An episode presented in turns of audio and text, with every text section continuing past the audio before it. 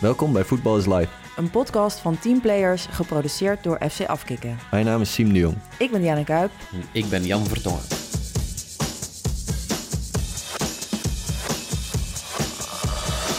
Renzo Company, de beste aanvoerder die ik ooit heb gezien voor het team. Nou, Daily, als je luistert, nog een keer gefeliciteerd. Ik zei zelf van, we kunnen beter een scheidsrechter erbij halen. Maar...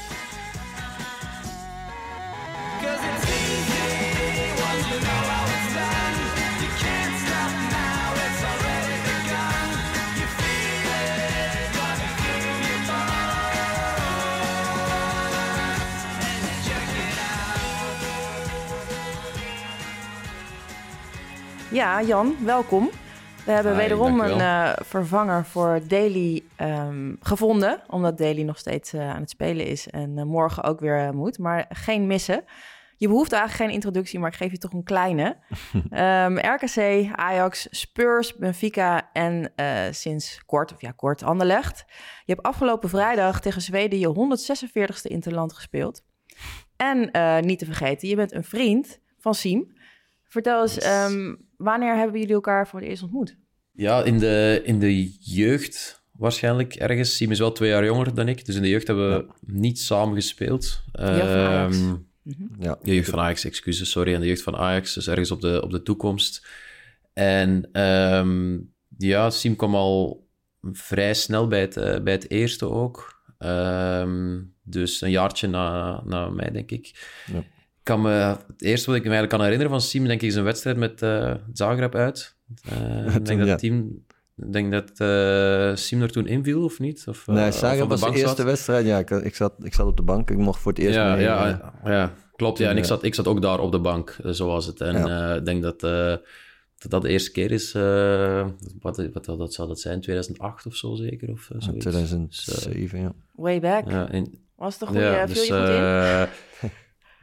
eh, Nee, die wedstrijd heb ik helemaal niet Eh, gespeeld. Oh, niet? Nee. nee, nee, ik, ik stond eh, op, het, eh, op het randje van invallen en toen werd er afgefloten. Volgens Oh, mij wonnen we 1-0. Was dat die goal van Dennis Rommedaal, of niet? Ja, ja. Eh, ja, ja oké. Was- En eh, ehm, ja, sindsdien eh, in, de, in de vijf, vijf, zes jaar daarna hebben we gewoon samengespeeld in, eh, in het eerste van, eh, van Ajax. En ook naast het veld eh, trokken we toen al veel met elkaar op. Ja. Konden Dus, jullie meteen goed ehm, met elkaar vinden, Siem? Ja, Daly zei het vorige keer een beetje in de podcast toen, eh, toen hij erbij kwam. Maar ja, we hadden wel een beetje eh, een groep jonge jongens. En ik had Jan wel eens ontmoet inderdaad toen ik in de jeugd zat. En ehm, eh, volgens mij ging hij op een gegeven moment naar het eerst. En ik denk, dat, ik denk dat ik volgens mij één keertje, één keer ben ingevallen in de A1 of zo toen jij daar zat. Toen mocht ik één keer tien minuten meedoen toen ik net bij Ajax zat. En daarna kwam ik dan bij het eerste samen met, met hem. Maar er waren nog een aantal andere jongens eh, ja, vanuit de jeugd... waar je dan eh, snel met elkaar eh, eigenlijk Ja. het vorige keer een beetje over hadden in Ja, want. Daly zei toen, want die vond het nog een beetje moeilijk als heel jonge jongen om erbij te komen. Dus die zei van Siem was een groepje waar hij nog een beetje Mhm. tegenop keek. En waar hij dan zo langzaam probeerde te infiltreren. Nou, zo voelde voor mij eigenlijk een beetje bij Jan. En, ja, het was Jan een groepje. ja, Jan, Robert Schilder was toen in die tijd. Ja, ik denk dat. Thomas Vermalen eh, er Ja. misschien nog zat. Eh, later kwam daar bijvoorbeeld Christian Eriksen bij. En, eh, en zo gaat het altijd over. En dan neemt iemand de, de leiding van het groepje over of zo achtig. En eh, Ja. ik denk dat het nog steeds zo gaat. Hè. Je kent gewoon de jongens, als je er eerst bij komt, van, van één of twee jaar ouder met wie je in de jeugd hebt gespeeld. En eh, ja, dat gaat een beetje op natuurlijke wijze, denk ik. Ja. Ehm, ja. Oké, dus een, eh, een lange vriendschap al. Nou, fijn dat je er bent. Eh, nogmaals welkom. Dankjewel. We beginnen altijd even eh, te vertellen hoe je week was. Siem, wil jij vertellen? Nou ja, Interland eh, weken, dus eh, redelijk rustige periode. We hebben geen, eh, geen wedstrijden. Dus, Nee. Maar ik ben eh, een paar dagen naar eh, Lissabon geweest. En eh, ja, Jan, eh, voor Jan bekend terrein, dus ik heb wat eh, tips Heb je tips? ge- Ah, Oké. Ik heb nog niet verteld Even hoe het was. dus... Nee, nee, nee, inderdaad. Had je bijpraten. Had Jan goede tips gegeven? Hij had wel echt goede tips, ja. Maar ik moet zeggen, volgens mij kwam een deel wel van zijn vrouw. Maar de, de, de- er zaten... Hoe weet je dat? Nou, het was een eh, via Instagram of eh, ja, zijn Spotlas is een app die eh, waar je waar je locaties en eh, restaurants en zo kan delen. Oh, ken ik helemaal niet. Dat is wel een leuke app. Maar eh, ja, en eh, daar ehm, eh, kon ik dus een aantal tentjes ook zien. Hij had er van tevoren een paar doorgestuurd, maar ik ging nog eh, toen we daar waren ook nog een, paar, een beetje rondkijken op eh, op welke welke plekken zij eh, aanraden. Dus eh, ja, we hebben echt leuke tentjes eh, gezien en Ja. eh, lekker gegeten. Dus eh leuke stad was het wel. Oké. Nice. Dus eh, ja, Ja, snel even, even bijpraten inderdaad, want ik was alweer vergeten dat jullie, jullie gingen. Maar inderdaad, alles is via, Ja. via mijn vrouw Sofie gegaan waarschijnlijk. Dus Ah, ja. Die, kent, eh, die kent wel de, de maar wel echt een leuke zeker. stad, man. En ik, eh, Ja, zou, je niet, ook. eh, zou, je, zou je niet terug willen? Mis je het wel eens? zeker. Ik mis, het, ik mis het zeker wel. Al moet ik wel zeggen dat, dat, dat wij nu wel echt gesetteld zijn. Het eerste half jaar of eerste vier, vijf maanden vond ik best wel pittig. Een beetje tot en met het WK.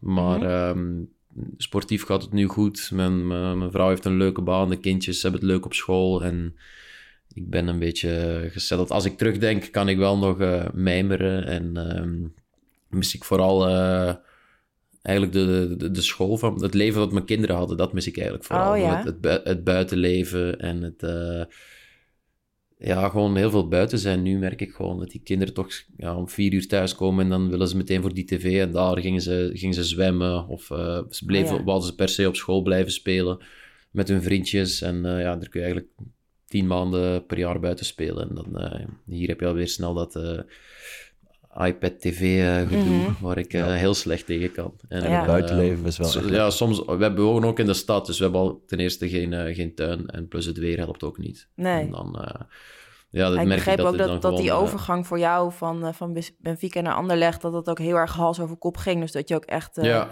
je kinderen... eh, bij wijze van spreken uit de surfkamp moest plukken of zo, weet je wel. Eh, letterlijk, dus- letterlijk, letterlijk, zo hè? was het, ja. Ja. Ja. Ja, ja, Dus dat was, ik heb het vooral, ik wil niet, niet de hele tijd in, in herhaling daarover, daarover vallen, maar het was echt heel pittig, omdat mijn transfer was van niet bestaande naar beklonken in minder dan 24 uur. En dus ook het hele gevoel dat daarbij komt kijken in een, in een gezin met kinderen die er niks van wisten, in de ochtend kinderen, toen ik ze na dat ja, drie kinderen in de ochtend dat ik ze naar dat surfkamp bracht tot om drie uur zei Anderlecht dat ik moest vliegen en ik zei nee dat, dat doe ik niet ik vlieg pas in de ochtend want ik wil het wel zelf mijn kinderen kunnen gaan vertellen dus ik na dat surfkamp toegereden en dan zijn echt neergezet met een eh, surfpakken nog aan en, en gezegd van morgen vertrekken we?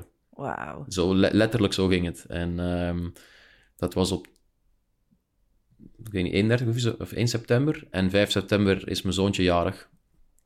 En dat was de zondag, eh 5 september. En eh, daar had hij heel erg naar uitgekeken met al zijn vriendjes. Het was de eerste keer dat hij het kon vieren met, eh, met zijn vriendjes. En toen is mijn vrouw nog verbleven om die, om die verjaardag te Om vieren. het feestje en ik door te ben- kunnen laten gaan. Ja, en dan die Oh. maandagochtend zijn ze gevlogen. Ja.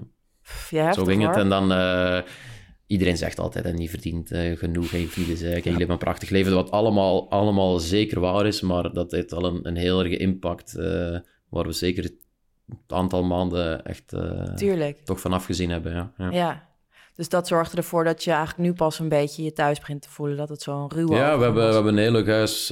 Ik zeg, mijn vrouw heeft een, een fijne baan. Kids hebben hun vriendjes. Voetbal gaat beter. En ik geniet ook van andere dingen. Ik ben twintig jaar... Heb ik niet in België gewoond. En eh, opeens woon ik dicht bij mijn familie, bij vrienden. Ja, Siem is ook een keer langs geweest om, om wat te eten. Dat zijn allemaal die dingen die, die vroeger eigenlijk niet, niet, eh, Nee. niet konden.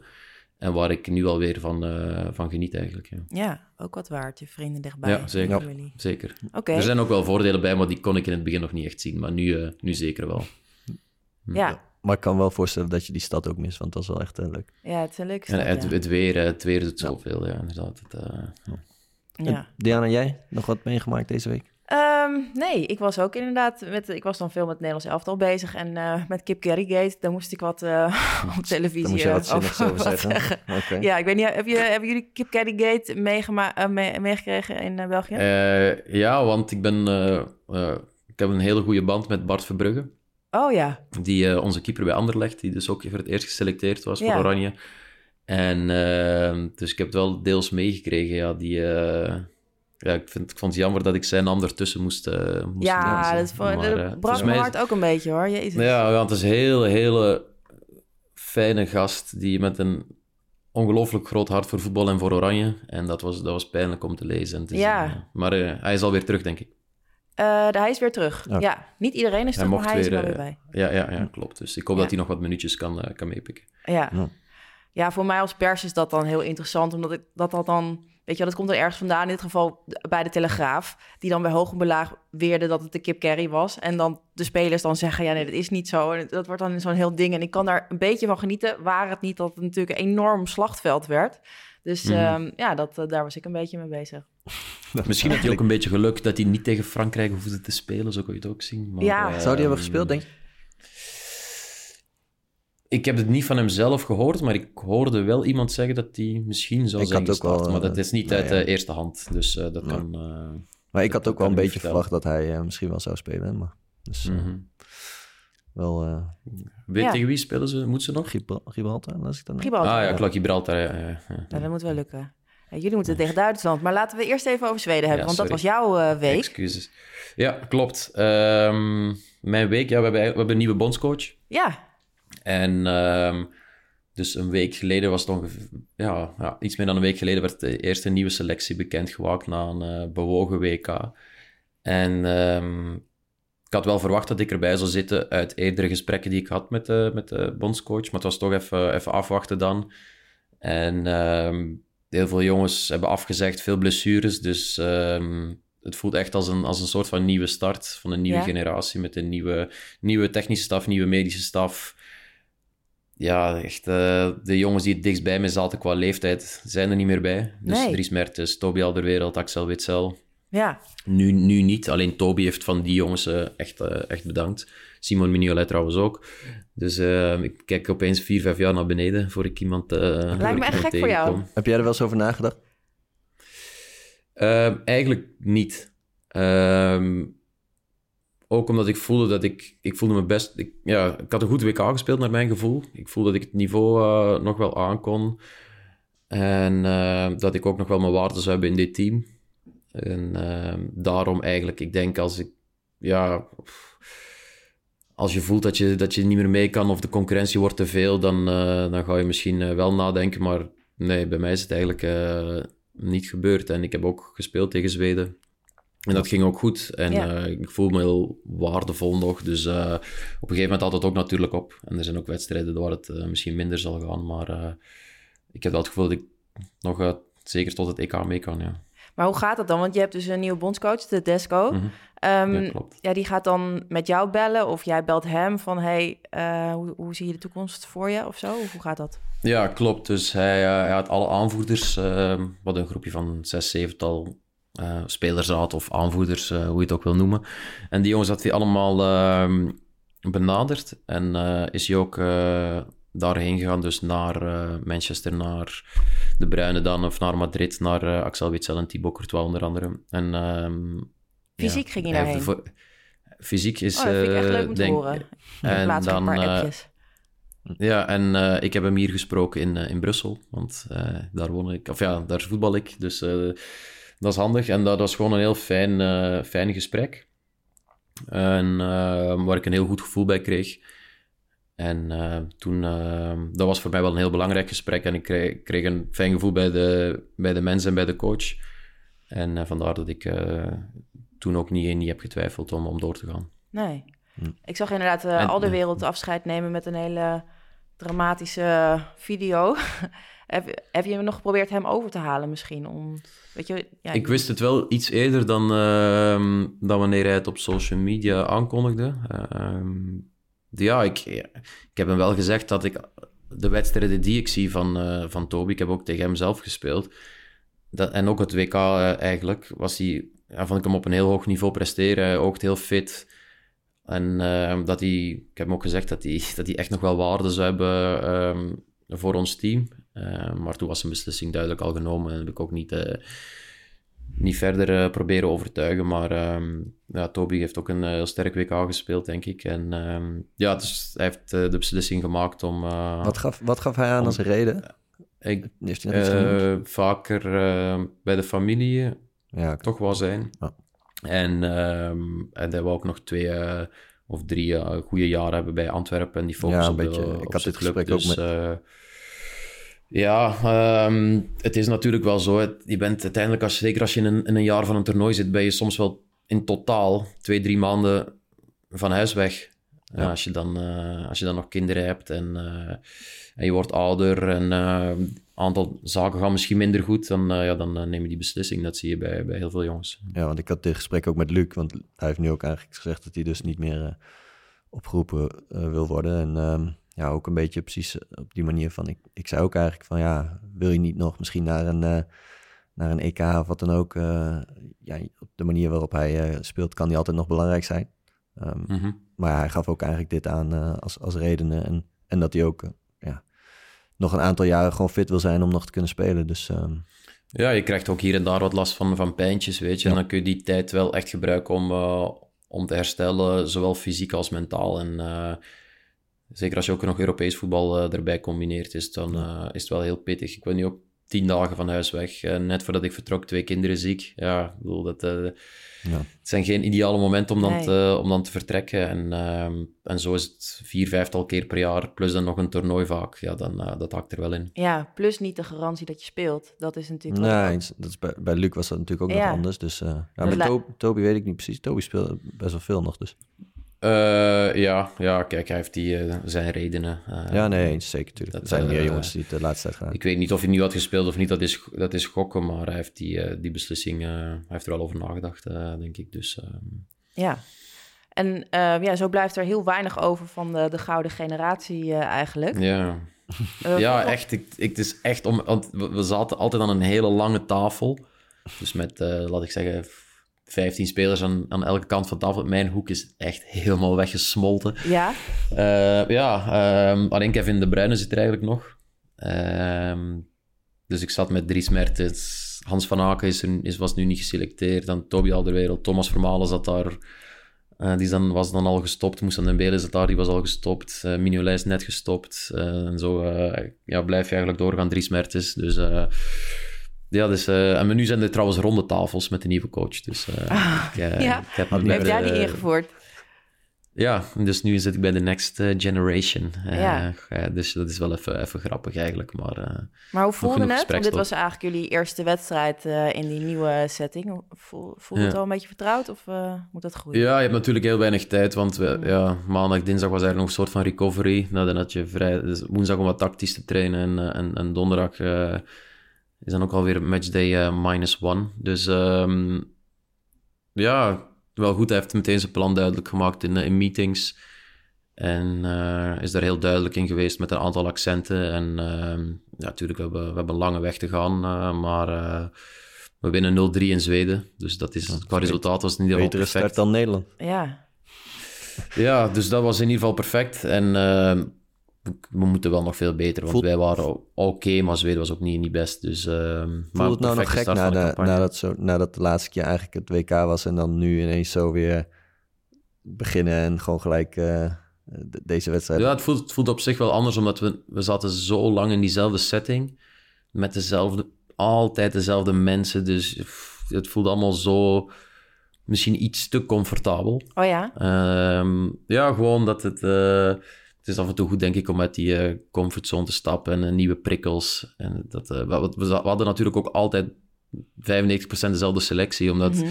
we hadden een vrij jonge selectie met allemaal gasten die bij topclubs speelden. Dus ja.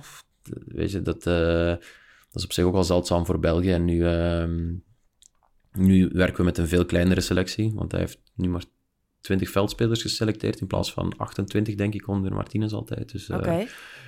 Um, maar ja, dat is, dat is wel, uh, wel fijn, uh, weet je. Uh, ik zeg het ook nieuwe medische staf, dus alles is eigenlijk anders. Alleen het, het complex is nog, nog hetzelfde. En, ja.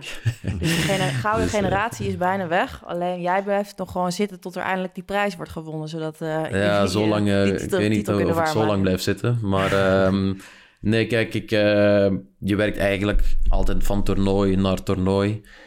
En omdat het EK nu maar een jaar uh, verwijderd is. Van, klopt, uh, van nu is het van oké, okay, ja, een jaar voel ik me sowieso nog wel echt goed. Goed genoeg, hopelijk. En dan daarna, uh, dat zien we dan wel weer. Maar uh, nee, dan, ik had, het was voor, voor mij een puur gevoel als het EK nu over 2,5 jaar was geplaatst, in plaats van anderhalf jaar, dan had ik misschien wel anders gedacht. Maar nu denk ik, ja, een jaar eh, Ja. zoals ik me nu voel, dat is, eh, dat is sowieso prima te doen. En dat was eigenlijk de, de grootste reden om door te gaan. Ja, dat eh, vind ik ook wel echt een voordeel van dat het in de winter was. Dat Want- het volgende zo ja, snel ik was, vond ja. dat echt, want ik word altijd een beetje, als het dan afgelopen is, ik kan altijd heel erg hechten aan zo'n toernooi, weet je wel, dat je elke dag gewoon lekker voetbal kan kijken en dan, en dan is het dus afgelopen en dan baal ik altijd als het dan in- nog twee jaar duurt voordat er weer een nieuwe is. En toen dacht ik ineens, hé, hey, Dus als het aan jou ligt, zouden er nog meer uh, interlandse toernooien moeten komen. ik zou jullie helemaal uitmelken. Oh, nee, ja. Elle, eh, Nations League elk jaar. eh, Ja. nee, er, eh, ik snap Oh ja, het. Maar eh, nee, dat, eh, het was maar anderhalf jaar, dus eh, dat Ja. is... Ja, ik vind ook helemaal niet dat je af moet zwaaien. Hè? Het lijkt nou net alsof ik er vind dat dat moet. Maar ik bedoel, Slatan is er ook nog steeds bij. Dus eh keep, Klopt, keep die heb ik nog, die, eh, daar net nog tegen gespeeld. En er zijn, er zijn heel veel voorbeelden van. Hè. Eh, volgens mij Pep is, is ook 40 eh, bij Portugal. Die was er ook bij, zag ik. En, en Ronaldo. En ja, ik zie, ik zie op dit moment geen reden om af te zwaaien. Ik, ik snap dat sommige mensen wel die, die, die vraag stellen. Maar ehm, ja, zolang ik me, me goed voel en het, eh, ik blijf het een, een geweldige eer vinden om eh, voor België te spelen. Dus Heel eh, goed, heel goed. waarom niet? Over eer gesproken, voordat we het vergeten, laten we het ook nog even over Daly hebben. Die er dus niet Ja. bij is, maar die heeft ze 100 caps gemaakt. Ja. Eh, Was Ja. een beetje trots op je vriendje? Mijn vriendje. ja. Nou ja, was wel mooi dat hij eh, die honderdste, we hadden het Ja, van toch? tevoren over. Ja, als hij, dat hij geselecteerd zou worden, dat het dan wel gek zou zijn als hij mee zou gaan en niet zou spelen. Ja. Dus eh, ik weet niet of, of hij het eh, En we hadden ook gezegd wedstrijd- dat, dat 99 ook een heel suf getal is, toch? Om op te blijven hangen. Dus eh, ik was wel een beetje trots in ieder geval. Ja, nee, ik ook. Hoe, hoe voelde het bij jou dan, zeg maar, die honderdste was echt heel speciaal? eh? Ehm, ja, vond ik wel. Het, het grappige was, ik had drie wedstrijden daarvoor. Net het, eh, het record stond bij België maar op 96, denk ik. En toen brak ik dat record van Oh, echt? 97. maar, en in diezelfde maand was al de 100. Dus het leek een beetje zo eh, dubbel, eh, dubbel feest. Dus Oh ja, eh, ja, dat, dat recordbreek was misschien even wat bijzonderder. Maar eh, nee, die honderdste was ook, eh, was ook prachtig. Was ook tegen, was tegen Portugal. Eh mijn debuut maakte ik ook tegen Portugal. Dus dat was eh, op zich wel, eh, wel een mooi moment. Mijn moeder kwam nog even op het veld. En, ehm, Ja. Dus dat was wel... eh, oh, mooi. ik, was er, ik was er heel trots op. ehm, dat was, ik heb niet heel veel gewonnen in mijn carrière, maar ik zie dit ook wel als een soort van trofee of zo. Of, of Ja. dat record international zijn dan.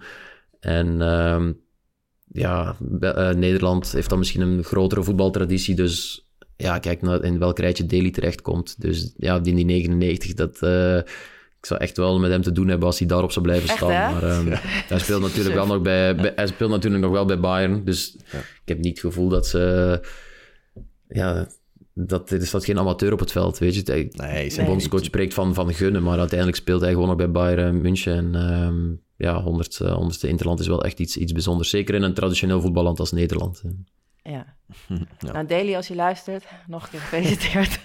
Heb je hem niet Ja, gefeliciteerd? zeker. Jawel, maar Oh, nu nog een keertje ten overstaan van iedereen. Ja. Ehm, over eer gesproken, waar ik het ook even met jullie over wilde hebben. Want jullie, wat jullie gemeen hebben, is dat jullie alle twee aanvoerder zijn geweest bij verschillende clubs. En ook voor je nationaal team. Toch? Of Ik- jij niet? Nou ja, jonge teams, maar niet, een, nee, niet voor het nationaal team. Maar wel eh, voor Jong Oranje, toch? Ja. ja. Ehm, dus over dat aanvoerderschap, daar zat ik een beetje eh, over na te denken. Want jij bent hem dus net kwijt. Hoe, eh, nee, ja, ik- nee, Eden Hazard was aanvoerder hoor. ja, dus, eh, Eden Hazard was aanvoerder en jij kreeg hem altijd als reserve, dan Ja. als hij er niet was. Eh, en nu, ehm, maar nu krijgt de Bruine hem. Terwijl op zich nog wel eh, logisch was geweest als jij hem had gekregen, of niet? Of hoe zie jij dat? zeg jij maar even hoe jij dat ziet. Ehm, hoe ik het zie is dat ehm, ja, de coach heeft daarin een, een, een keuze gemaakt. Ehm, hij weet ook dat ik niet nog tien jaar ga voetballen. Nee. En ik denk dat hij ook gewoon een keuze heeft gemaakt voor, eh, voor vastigheid. En, en, en eh, Kevin De Bruyne is nu dus aanvoerder. En hij is natuurlijk wel eh, heel bepalend voor ons. Ehm, een van de beste middenvelders ter wereld.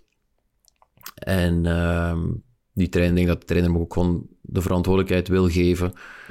En ehm, ja, dat hij gewoon heel belangrijk is voor het team, ook hoe die zich presenteert, zijn houding. Hij is een soort van de, ja, de spiegel voor het team eigenlijk. Als, als Kevin goed speelt en zijn houding is goed, gaat het goed met België. En die, Ja? die eh, verantwoordelijkheid denk ik dat hij dan nog iets sneller neemt als aanvoerder. En ja, natuurlijk had ik het mooi gevonden om, om aanvoerder eh, te zijn, maar dat is niet iets waar, eh, waar ik denk ik eh, door verander of zo, omdat dat ik dat nu niet ben.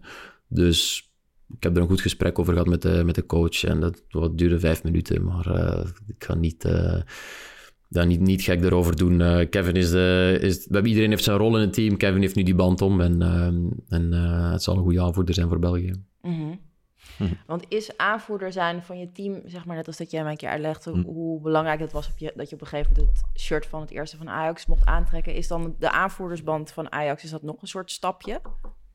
nou, ik vond wel dat op het moment dat je doorbreekt in de jeugd... of vanuit de jeugd in het eerste... en dan inderdaad een basisplek verovert en eigenlijk een aantal stappen maakt constant uh, gedurende de jaren. En dan is de stap na aanvoerderschap, is, ja, vond ik wel ook een hele eer om dat uh, Maar jij werd aanvoerder nou, toen ja, ik wegging, toch? Ja, ja, ja klopt. Ja. Nee, dus ja, voor mij, ja, dan zit je wel te kijken. En dan is Jan wel, uh, zeg maar, je voorbeeld daarin. En we gingen natuurlijk al best Was Jan veel... je voorbeeld daarin?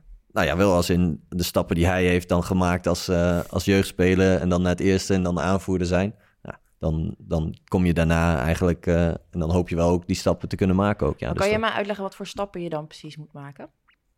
Um, vanuit, ja, vanuit de jeugd is het uh, uh, eerst doorbreken, of tenminste ja, je debuut maken, dan doorbreken en hopelijk steeds meer wedstrijden spelen. Daar hadden we volgens mij een andere aflevering over, dat je in het begin vooral met jezelf bezig bent ook en zorgen dat je elke week mag spelen. En op een gegeven moment voel je dat je basis, basisspeler bent, wordt, ja, dan heb je na een tijd, denk je van nou, nu sta ik redelijk zeker op mijn plek. Um, toen zei ik nog van, uh, op een gegeven moment kreeg ik nummer 10. Dat was ook wel een, uh, vond ik ook een, een aardige eer op dat moment. En um, ja, dan ga je eigenlijk, op dat moment gingen we ook prijzen pakken. En ja, ga je zelf meer, speel je eigenlijk elke week. En nou, dan ben je, op een gegeven moment was ik volgens mij een beetje reserve aanvoerder onder Jan. En toen ging Jan uiteindelijk, maakte een transfer en dan, ja, stapte ik eigenlijk in zijn, op zijn plek als aanvoerder. Ja, dat, ik vond dat wel uh, um, mooi om zo gedurende je beginfase van je carrière um, daar naartoe te werken en, um, en ja. belangrijk te zijn voor de club. Maar je moet je ook ontwikkelen als, mm, als leider, toch? Mm. Het is niet dat iedereen deze stappen kan doorlopen en dan aanvoerder wordt, toch? Ja, ik denk dat een van die tussenstappen is ook wel dat je al in de, in de spelersraad terechtkomt. Ja. Okay. Dus ik denk dat Siem zat er ja. toen ook al in, met onder andere André Ooyer en ik. En um, poeh, wie zat er? Maarten Stekelenburg, maar dat was al daarvoor weer, denk ik. Dus uh, ja, dat je al gewoon mee gaat denken met, uh, met het hele proces. Niet alleen op het veld, maar ook dingen die ernaast gebeuren. En uh, ik denk dat het gewoon iets natuurlijk is. Ik denk dat Siem een hele natuurlijke leider is in, ehm, in een club die ook ja, voetbaltactisch ook altijd uh, heel erg meedenkt en dat het gewoon een fijne aanvoerder is voor, uh, voor een trainer ook. Dus uh, ja. ik denk dat het gewoon op een natuurlijke echt... manier... Oh, sorry. Ja, wij als toeschouwers hebben niet echt een idee wat je zeg maar doet als aanvoerder, behalve dat stukje wat wij zien, zeg maar, op het veld. Maar wat, wat, wat houdt het dan allemaal in? Verder nog buiten het veld of... Wat, het is wat je daar zelf invulling uh, aan geeft en wat er van je verwacht wordt. Als ik hoor wat, wat Tadic doet bij Ajax, dat hij heel erg betrokken is uh, in het... Uh, in het professionele ja. proces dan. Dus in, het, in, het, in hoe benader je voetbal, hoe professioneel ben je. Toen uh, hij binnenkwam... Voor de rest persoonlijk niet hoor, maar... Ja, toen hij ja, binnenkwam, die, uh, die periode inderdaad, was het gelijk eigenlijk de eerste week al... dat hij zich ging bemoeien met zaken om het veld heen die, die beter konden... en die hij in zijn carrière... wat? Echt, wat dan nou, zeg bijvoorbeeld gewoon als je het hebt over... wat staat er klaar na een wedstrijd, voor een wedstrijd... Eh, qua shakes, qua oh, okay, wat ja. kun je doen. Dus al die dingen had hij dan nog specifiek idee over. En daar ging hij zich gewoon mee bemoeien. Maar um, als in op een goede manier uh, zorgen dat uh, ja, zoveel mogelijk goed geregeld werd. En ik vond wel dat hij daarin uh, ja, echt wel proactief was. En mm -hmm. ik um, denk dat ik ja, ook wel bezig was met dat soort zaken. Maar ik vond wel best wel dat hij echt wel een, een beeld... Hij was ook wel natuurlijk wel wat ouder. Ja. En toen kwam hij bij een club en, en hij had al volgens mij een beetje wel... werd hij al al vrij snel ook wel een soort, werd hij al aanvoerder, weet ik niet zeker meer, maar hij werd, mm -hmm. hij werd al vrij snel belangrijk. Um, dus hij, had, uh, hij kon natuurlijk ook best wel veel uh, daarover zeggen. En ja, dat was ook best wel uh, goed om mee te maken, om ja. zo iemand te zien hoe hij dat dan doet. En, ehm, ook voor degene die na hem weer aanvoerder worden. Zodat ja, te zien iets... dat dat ook een stukje ja. is waar ze zich mogen mee bemoeien. Had je achteraf ook je met meer dingen willen bemoeien toen je aanvoerder was? Nou, maar ik denk dat er best wel veel zaken bes bespraken in die tijd. En dat we echt wel met spelersraad dingen aangaven. Uh, dat we ook gewoon met de trainer, uh, met en het is niet eens per se altijd de aanvoerder. Wat Jan net zegt, is gewoon een groepje die een beetje de leiding neemt in het team. En ehm, dan hadden we een aantal jongens die hij net noemde. En dan, dan ga je ook wel met de trainer praten over als het even niet loopt. Of als er iets, uh, ja, dan, dan ga je daar ook wel mee bemoeien. En ehm, inderdaad ook tactische dingen of uh, over hoe het gaat, uh, wat er beter kan. En, en, los van misschien de wedstrijd ook daaromheen ben je wel met elkaar bezig om te zorgen dat het allemaal zo goed mogelijk gaat. En ja, dat ja. is niet per se aanvoerder zijn of dat je daar de band voor moet hebben. Ik denk dat daar gewoon een groep in het team vaak een beetje... Um, ja, als het goed is, dan heb je zo'n groep... Ik denk wel dat het vaak goed is als er zo'n groep echt uh, zich verantwoordelijk voor voelt voor dat soort zaken. Want dan krijg je ook wel dat het, denk ik, uh, ook meer verantwoordelijkheid wordt gevoeld over, over resultaten en wat er gebeurt. Mm -hmm.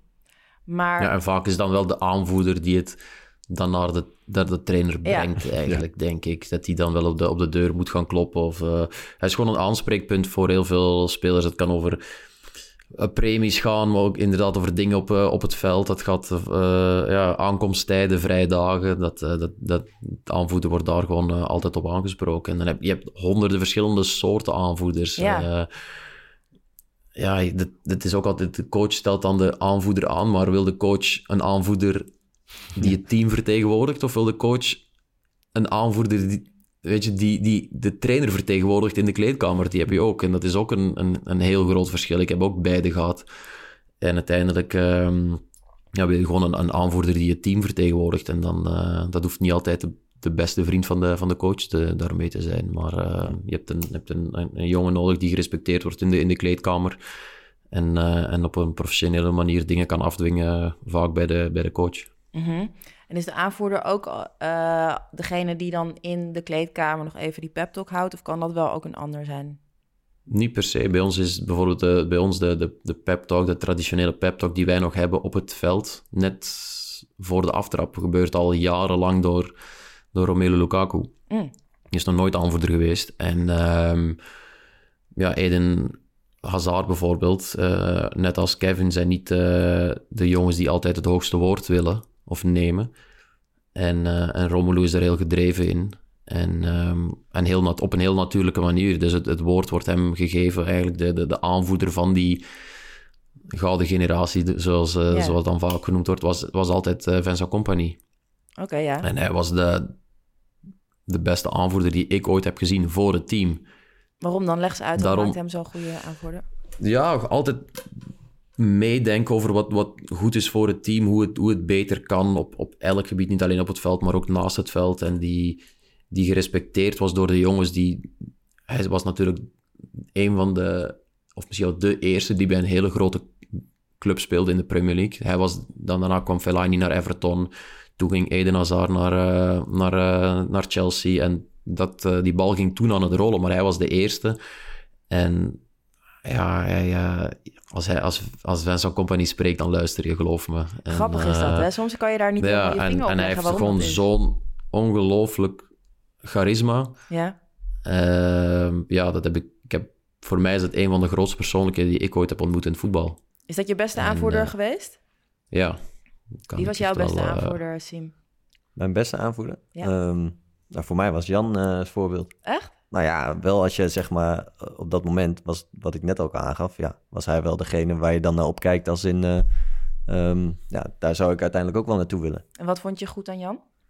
Nou, ik, ik vind dus ook, aanvoerder hoeft niet constant te, te schreeuwen en te, ik vond dat Jan gewoon op een uh, rustige manier zei wat hij vond en, um, en er inderdaad gewoon was voor, uh, voor het team en, en heel belangrijk was in, in te zorgen dat we ja, ook echt met elkaar uh, successen wilden behalen. En ik denk wel dat we echt wel veel, ook veel plezier hebben gehad in die tijd met elkaar. En, maar ook wel echt, um, echt de verantwoordelijkheid voelden om iets te bereiken. En ik denk wel dat we dat toen met elkaar wel gecreëerd hebben, ja. En daar was Jan voor mij dan op dat moment eigenlijk een beetje die...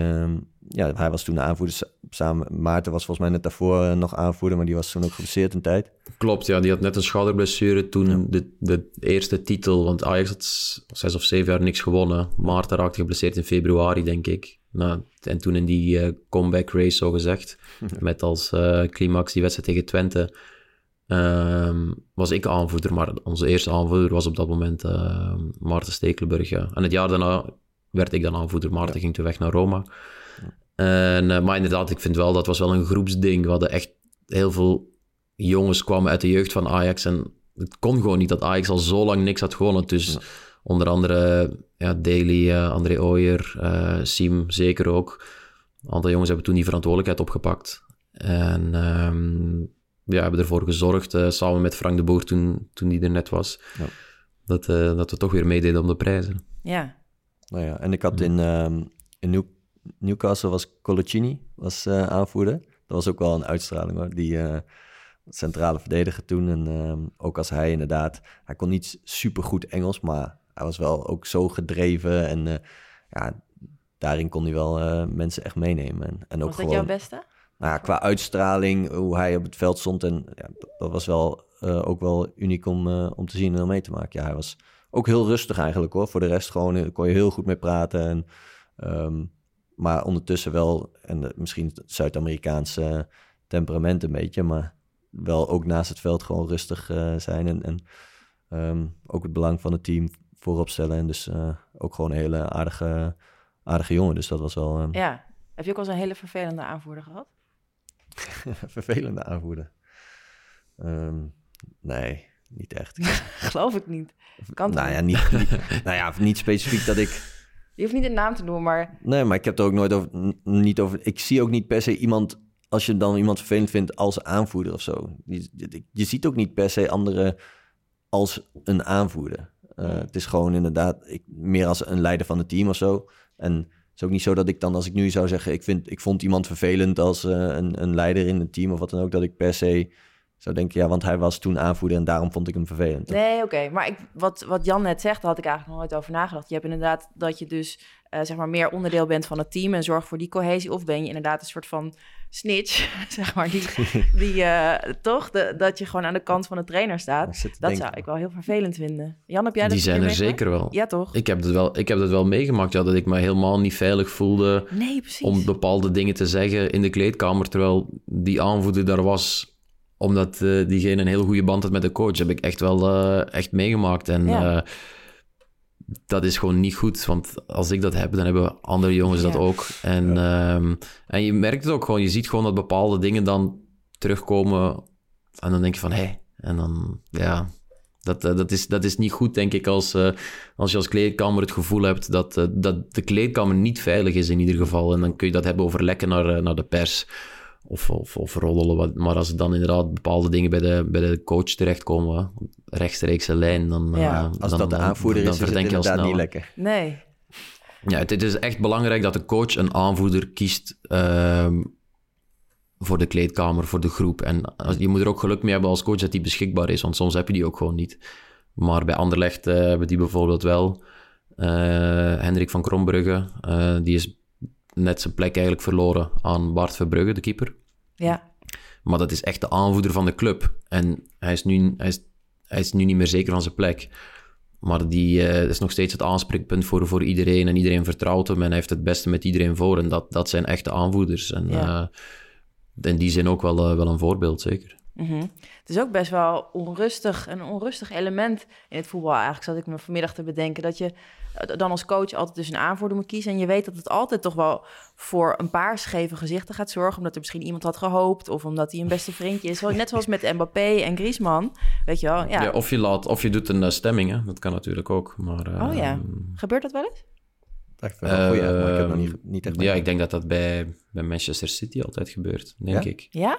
Ja, volgens mij wel. Vind ik wel sterk Volgens mij gebeurt het. Uh, ik denk, uh, en het is ook best wel logisch, vind ik, dat dat ja. uh, gebeurt. Want ja. vaak, als, zeker als er een nieuwe coach komt, oké, okay, wie maak je aanvoerder? Zeker als er bijvoorbeeld net eentje vertrekt op hetzelfde moment. Ja, en dan je kan makkelijk papiertjes, schrijf je top 3 op. En de, degene die oh, ja. vaak voor, meest voorkomt, aanvoerder 1, 2 en 3. Ja. Ik denk dat, uh, dat dat heel makkelijk is. Mag je als aanvoerder eigenlijk de muziek bepalen in de kleedkamer? nee. Nee? Oh. Ja, maar het is Vaak is het ook natuurlijk, toch? Ja, het is meer leiderschap dan aanvoerder per se. Want het is niet zo dat die band nou per se heel erg iets ik stel me zo, er volgens mij iets veel te leuks bij voor. Ja. Maar als ik die muziek niet zou mogen bepalen, zou ik ook geen aanvoerder willen zijn. Jij wil graag de muziek bepalen? Ja, man. Ja, dat lijkt me echt leuk. Dat is best wel veel druk hoor. Als je dan, eh, ik heb best Ja, wel veel mensen Ja, ik ook die... goed eh, aan. ja. Ja, Ja? ook goed aan, ja. Nou ja, ik heb ook wel eens een muziek bepaald, maar je, je Echt? moet toch wel, ben toch wel een beetje zo van, kijk toch wel even om je heen van, oh, eh, krijg een beetje goede Hoe, reacties. hoe raar het ook is, vaak zijn dat toch de, de, de Zuid-Europeanen of Zuid-Amerikanen bij ons eh, die dat doen. En dan heb je opeens vaak Spaanstalige muziek. En dan eh, 80% van de kleedkamer eh, denkt dan ook van, wat, wat is dit? Maar vaak, vaak zijn het toch de Zuid-Amerikanen. Ja, nou ja, Ja. Ik, zou, ik zou zeggen dat een goede DJ moet inderdaad wel een beetje inventariseren eh, Ja, hoe iedereen de, zijn smaak is en daar een playlist voor maken. Ja, dus nou ja, nu- Maar die Zuid-Afrikanen, die denken gewoon, of de Amerikanen denken gewoon van, eh, ik push gewoon lekker mijn Opeisen, eigen. ja. Ja. iedereen zit toch met koptelefoon nu, de rest zit dan koptelefoon op. Oh ja? Dat Dus kan ook. eh, Best wel dat kan veel, ook. nou, best wel vaak gewoon muziek in, in de kleedkamer en dan nog best een groot gedeelte koptelefoon op, ja. Oké, dat zou ik dus, als ik aanvoerder was, Oh, dat mag afschaffen. Iedereen moet naar mijn muziek luisteren dan. Oh nee, iedereen moet met elkaar praten, dat is vaak ja, de nee, gedachte ja dat, dat ook, ja. Nou, dat is oldschool. hoor. Dat, eh, Ja, dat nee, maar, gebeurt niet meer, denk ik. nee, maar ik vind wel dat je heel specifiek inzoomt op aanvoerder, zeg maar, alsof dat echt zo, zoiets, eh, terwijl het eigenlijk meer over leiderschap gaat, Ja, dan per se echt aanvoerder. ja oké. Maar ja, bijvoorbeeld, hier, ik zie het shirtje van Luis Suarez eh, achter jou hangen. Dat is, dat, Hij werd eh, Ja. eh, ook aanvoerder op een gegeven moment van, ehm, van Ajax. Ja, ander, totaal ander type aanvoerder dan, eh dan Compagnie of Siem of, of ik. Maar door zijn drive op het veld was hij wel, eh, wel die aanvoerder. En ook helemaal niet in, in gedrag of, eh, Nee. of in speeches. Eh, of, in, eh, of in dingen organiseren naast het veld. Of in kleedkamermuziek. Zeker Zijn niet. Maar, waren wel mooi. Altijd. ja, ik heb altijd hetzelfde, wat kan ik me herinneren. Dat die, eh, en hij versprak zich ook altijd op dezelfde ja, manier. Ja, hij zei gewoon altijd hetzelfde. En, eh, een beetje, zei maar wel dan? gewoon gete- Ja, je kon niet eens, het was niet eens echt... eh, Ik kon niet verstaan. nou ja, je kon het net verstaan, maar... eh, ik, hij zei... Misschien ah, Coloccini-achtig wat jij Ja, zei, gewoon, weet je, wel, door, zijn, Ja. Mm. door zijn passie die je wel kon voelen. Ja. En die, die zeker toen hij in zijn aanvoerdersjaar op het veld eh, liet zien. Ehm, ja, dat, eh, daardoor werd hij gerespecteerd. Dus je hebt aanvoerders op eh, verschillende soorten manieren. Ja, want hij, ja, dat, dat had hij zeker gewoon je kunnen meenemen in zijn eh, ja, drive en enthousiasme. Dat was wel eh, speciaal. Hmm. Een beetje inderdaad zo'n soort voorbeeld wat ik gaf over Colaccini. Ja, oké.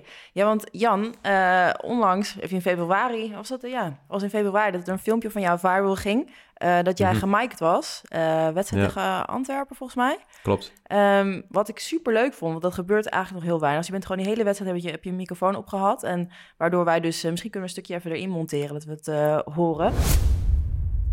Hey, heel veel power. Hij gaat sowieso trappen, hè, maar toch volgen, volgen, volgen. Zeg je wat wachten? Hey! In your face! Take it in the face, come on! Klaar, jongen. Uh, Strijder. Boys, feel this, man. Feel this atmosphere. This is what we're here for. This is what we're doing. Football players. are. Let's go. Aggressive. Win your first goal. Let them feel you're here. and let's win this game. Let's go! Kiki!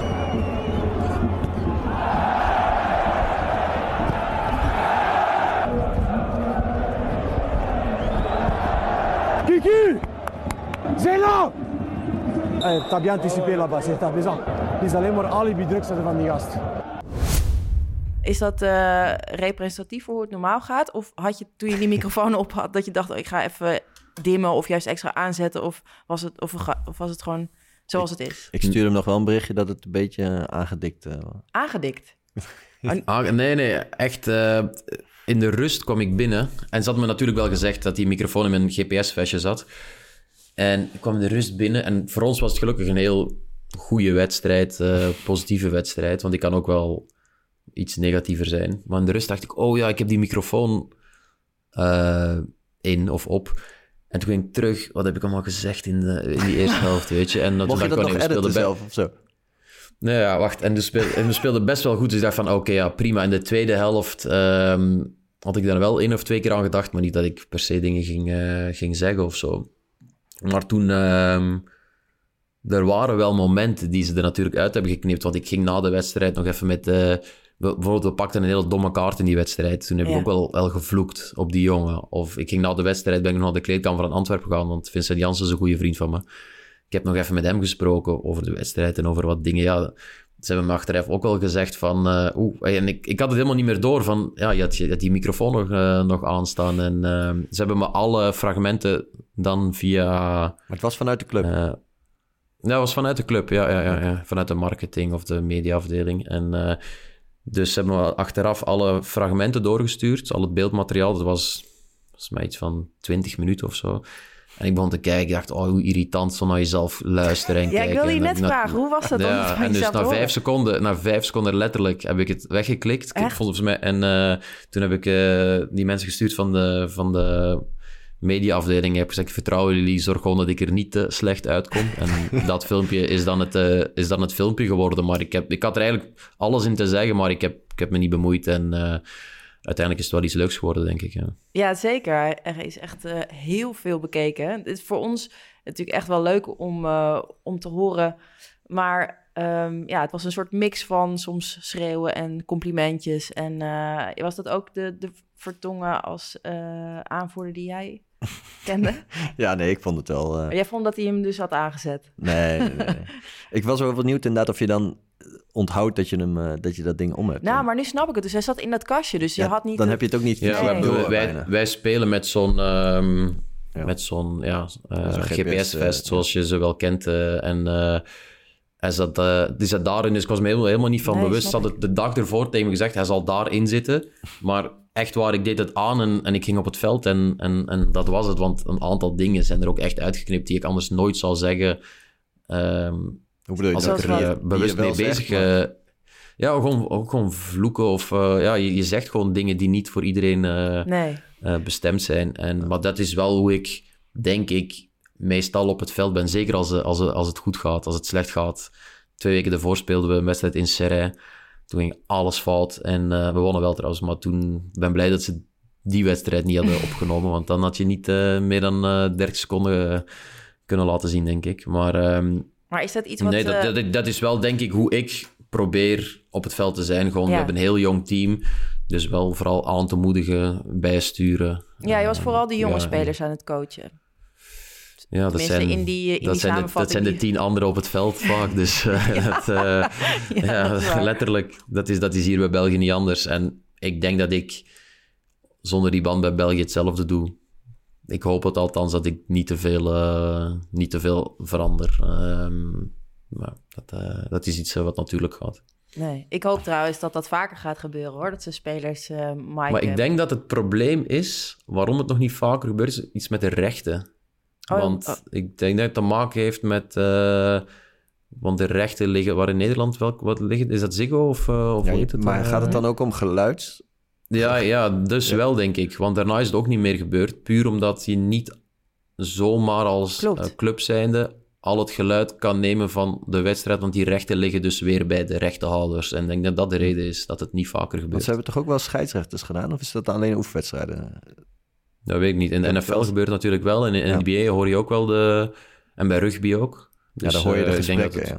Maar het zou wel gek zijn, want als je alle wedstrijdgeluiden eruit of dat dan jouw stem automatisch ook ehm, dat het recht op jouw stem zeg maar ook ergens wordt vastgelegd. Best wel weird, Maar toch? Ik zou, ja, het zou wel... Ik dat, wel... dat dacht ik eh, dat dat zo ging. ja, Eh, kan hoor. Ik weet het ook niet. Ik zou, heb je, had je ook veel gesprekken met scheidsrechten? Ik heb altijd best wel veel gesprekken met scheidsrechten. Gewoon Ja? dat, ik- dat ik er langs Ja, loop en dan gewoon wat dingen... heb ik wel, maar ik, ik- ze zien me niet zo graag meer komen. Dus, eh, nee. Maar wat zeg je nou allemaal, Siem? Nou, gewoon als dan zeg maar dat als hij dan eh, als hij iets fout heeft, zeg ik van eh, ja, volgende moet je wel even, wel even aan ons geven dan, hè? want eh, dit was gewoon eh verkeerde beslissing. Ben je zo eentje? Nou, maar gewoon heel rustig. Ik praat wel, wel, constant met de scheidsrechter. Ja. Ja? Hm. Oké. Denk je dat ze je eh, graag mogen? Nee, denk ik niet. Ik denk niet. Nee, jawel, jawel Siem. Jij bent wel echt iemand die, die veel respect eh, afdwingt, denk ik, bij de scheidsrechters. Gewoon Ja, maar omdat je ook op een wel normale manier met ze communiceert. Ja, maar als het bijvoorbeeld Hm. de, op de training zijn, of, eh, zijn vaak de trainers scheidsrechters, maar die, dat, is ook niet, dat is ook niet echt eh, een succes altijd hoor. Die, eh, die onderlinge relatie scheidsrechter eh, spelen tijdens de training. Nee? Nee, dan, eh, dan gaat het ook wel. Wij hebben hier bij, bij het nationaal elftal Dat, ik weet niet of dat iets Duits is of niet, maar is er altijd een echte scheidsrechter? Ja, wij hadden het hier serieus over op de club. Ik zei, op een gegeven moment zei ik tegen de, tegen de trainer, volgens mij assistent, zei ik van, ja, de, de, ik zei, moeten we niet gewoon een scheidsrechter gewoon erbij zetten tijdens de training? Want ik zei, dus alleen maar discussie altijd. En uh, was een Ja. beetje meer omdat ik dan altijd discussie heb. Dus ik zei zelf van, kunnen beter een scheidsrechter erbij halen. Maar Nou, je moet nooit... Want ik heb dus die cursus gedaan. Want ik zit, ben ook altijd iemand die dan zeikt op de scheidsrechters en eh, op training ook, en, eh, maar ook in, in, in het veld. En ik Je heb dus de cursus geleerd. gedaan. ja, ik heb van jou geleerd. Ja, ik heb dus die cursus gedaan, eh, eh, trainerscursus in België. Oh ja. Ja. En toen moest ik dus zelf training geven. En dan zeker in die cursus, ik heb een achttal trainingen moeten geven, ben echt bezig met, met die accenten die je dan eh, voor die dag hebt bedacht.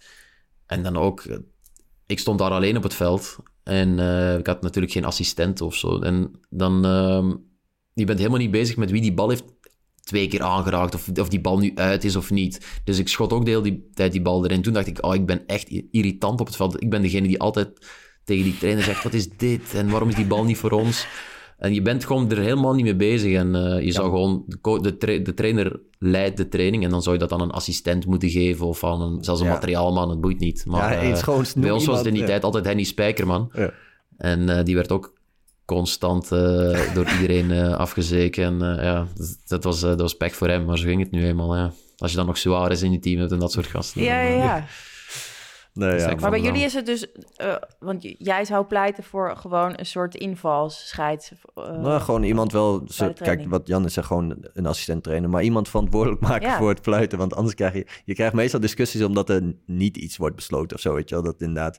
Ik snap ook wat Jan zegt. Die, als je dan die trainingen zelf hebt voorbereid... en je wil daar specifiek iets uithalen... en je bent bezig met... dat je dan inderdaad niet constant oplet op wat er nou precies... met die bal Hmm. gebeurt of wat dan ook. Dus ik weet Wil niet of dat nou... Nou, ik weet ook niet of iemand dat wil, nee. Dus ja, ik kan me voorstellen dat je extern eh, bij... Ja, Ja. bij een grote, grotere club of wat dan ook. Dan, eh, als er echt een s- serieuzere 11 tegen 11 is, dan wordt er wel eens een scheidsrechter bijgehaald. Maar dan is het wel echt meer als de bedoeling als oefenwedstrijdje onderling of zo. Hm. Ja, Maar ik denk, vind het in een 11 tegen 11 juist makkelijker Ja, om geen scheids te hebben. Want in, die, in een trainingswedstrijd 11 tegen 11 gebeuren er niet heel veel overtredingen. Terwijl in een, een positiespel of in een klein partijtje zijn er veel meer contacten of ballen die uitgaan. Of er maar één of twee keer de, Ja, eh, de bal geraakt worden. En daar gaat het vaak mis. Ja, dus ja. niet echt in een 11 tegen 11. Ja. Ja. Nee, maar ik dus was wel benieuwd of je dan nog die gesprekken ook met de scheidsrechter in het veld had toen je die microfoon eh, zo, eh, zo om had. Ehm, ja, die had ik, maar die zullen dus wel geknipt zijn. Ja, maar dat is natuurlijk het fijne als die, eh, als die gemiked wordt door je eigen club. Die hebben er ook geen baat Ja, bij als jij als wel. agressieve gekkie daar eh, rondloopt, toch? Dus die knippen het wel, Ja. zodat, eh, zodat jij een beetje goed uit de verf komt. Ja, ja, ja. Ik, ik Als heb ook vanuit, een goede band eh, met die mensen. Als het vanuit iemand anders was geweest, zeg maar, stel vanuit gewoon de, de tv, eh, had je dan ja, Ja. gezegd? Of je had iemand moeten zijn Nou, die dan ook, denk ik nog steeds wel dat je kan eisen van... ehm, ik wil, eh, ik wil de, hoe zeg je dat, het, het laatste woord. Ja. Maar dan, poeh, dan ben ik toch minder happig. Nu moesten ze ook al aandringen. En dacht ik, ja, oké, eh, waarom niet? Maar ehm, ja, dat zou ik toch minder happig zijn, inderdaad. Vooral ook wat gebeurt er dan met die rest van het beeldmateriaal. En, of het geluidsmateriaal in dat geval. Het, ehm, Ja, daar Zou zou ik niet ook... Ja, inderdaad. Nee, daar zou ik inderdaad weer oppassen, omdat gewone kijkers niet goed kunnen inschatten wat de adrenaline van een wedstrijd met mensen doet, zeg maar. Dus als die dan rustig op maandagochtend met een kopje koffie eh, die snippets van jullie zien, waar jullie dus iedereen aan het schelden zijn en zo. Ze snappen niet dat het in een wedstrijd een heel andere gemoedstoestand is dan, dan dat je een uur later bent, zeg maar. Ja, Dus, maar het eh, valt ook wel mee. Hè. Ik bedoel, het is niet zo dat we constant alleen maar lopen te schelden. nou, niet? Nee. hangt ook vanaf hoe de wedstrijd loopt. Maar niet constant, nee. Dat, eh, Nou, ik vond het in ieder geval heel leuk om te horen. Ehm, Jan, tot slot nog even, want wij kondigden aan eh, dat jij als vriend van de show eh, langs ging komen. We hebben je maar gewoon vriend van de show genoemd, maar we weten dat je heel vaak luistert. Dus dan ben je automatisch ook een vriend. En je bent Siems vriend. maar toen vroegen we dus, hebben jullie nog vragen voor jou? En toen kwam er een aantal keer ehm, binnen, kom je nog een keer terug naar Ajax? Dus ik dacht, ik stel hem je gewoon even. Als eh, speler lijkt die kans me niet, eh, niet aanwezig. Eh, Gewoon nee, ik ben bedoel- technisch niet, bedoel je? Nee, ja, en ook kwalitatief moeten we niet gek doen. Ajax speelt eh, of eh aast op een, op een ander niveau, denk ik, dan, eh, dan eh, mannen van 36. Die, eh, nee, dat, nee, dat is niet realistisch. En ehm, Ehm, ja, op nee, dat, dat je zal niet meer wel, gebeuren. Die kans was er wel eh, een aantal keer, maar was voor mij toen niet, ehm, niet, eh, niet het juiste moment. Ik kan me Nee? herinneren dat ik één keer speelde de Champions League met Tottenham. En eh, dat was achtste finale, denk ik, thuis op Wembley tegen Oh. Juventus. Ik kan me echt nog goed herinneren. En volgens mij speelde Daly nog niet eens bij Ajax toen. Of niet weer bij Ajax. En eh, toen kreeg ik een berichtje van Mark Overmars van heb je geen zin om terug te komen? Oh, En ja, dat was toen helemaal voor mij geen, geen optie. Ik was 29. Ajax was toen ook niet, had toen ook nog niet die, die lijn ingezet die ze de laatste jaren hadden van, eh, met, eh, met onder andere Daly en, en, en Tadic en dan Frenkie en Matthijs later. Dus dat was nog niet die generatie. mhm. En toen eh, ja, ik gewoon zeggen, ja, nee, niet het, niet het juiste moment. En dan... ehm, en toen dat was er eigenlijk nog een keer dat... Op een gegeven moment was ik transfervrij bij Tottenham. Maar toen... ehm, ja, toen, eh, toen was het eigenlijk niet concreet, want Daly speelde toen centraal, deed het ook gewoon goed.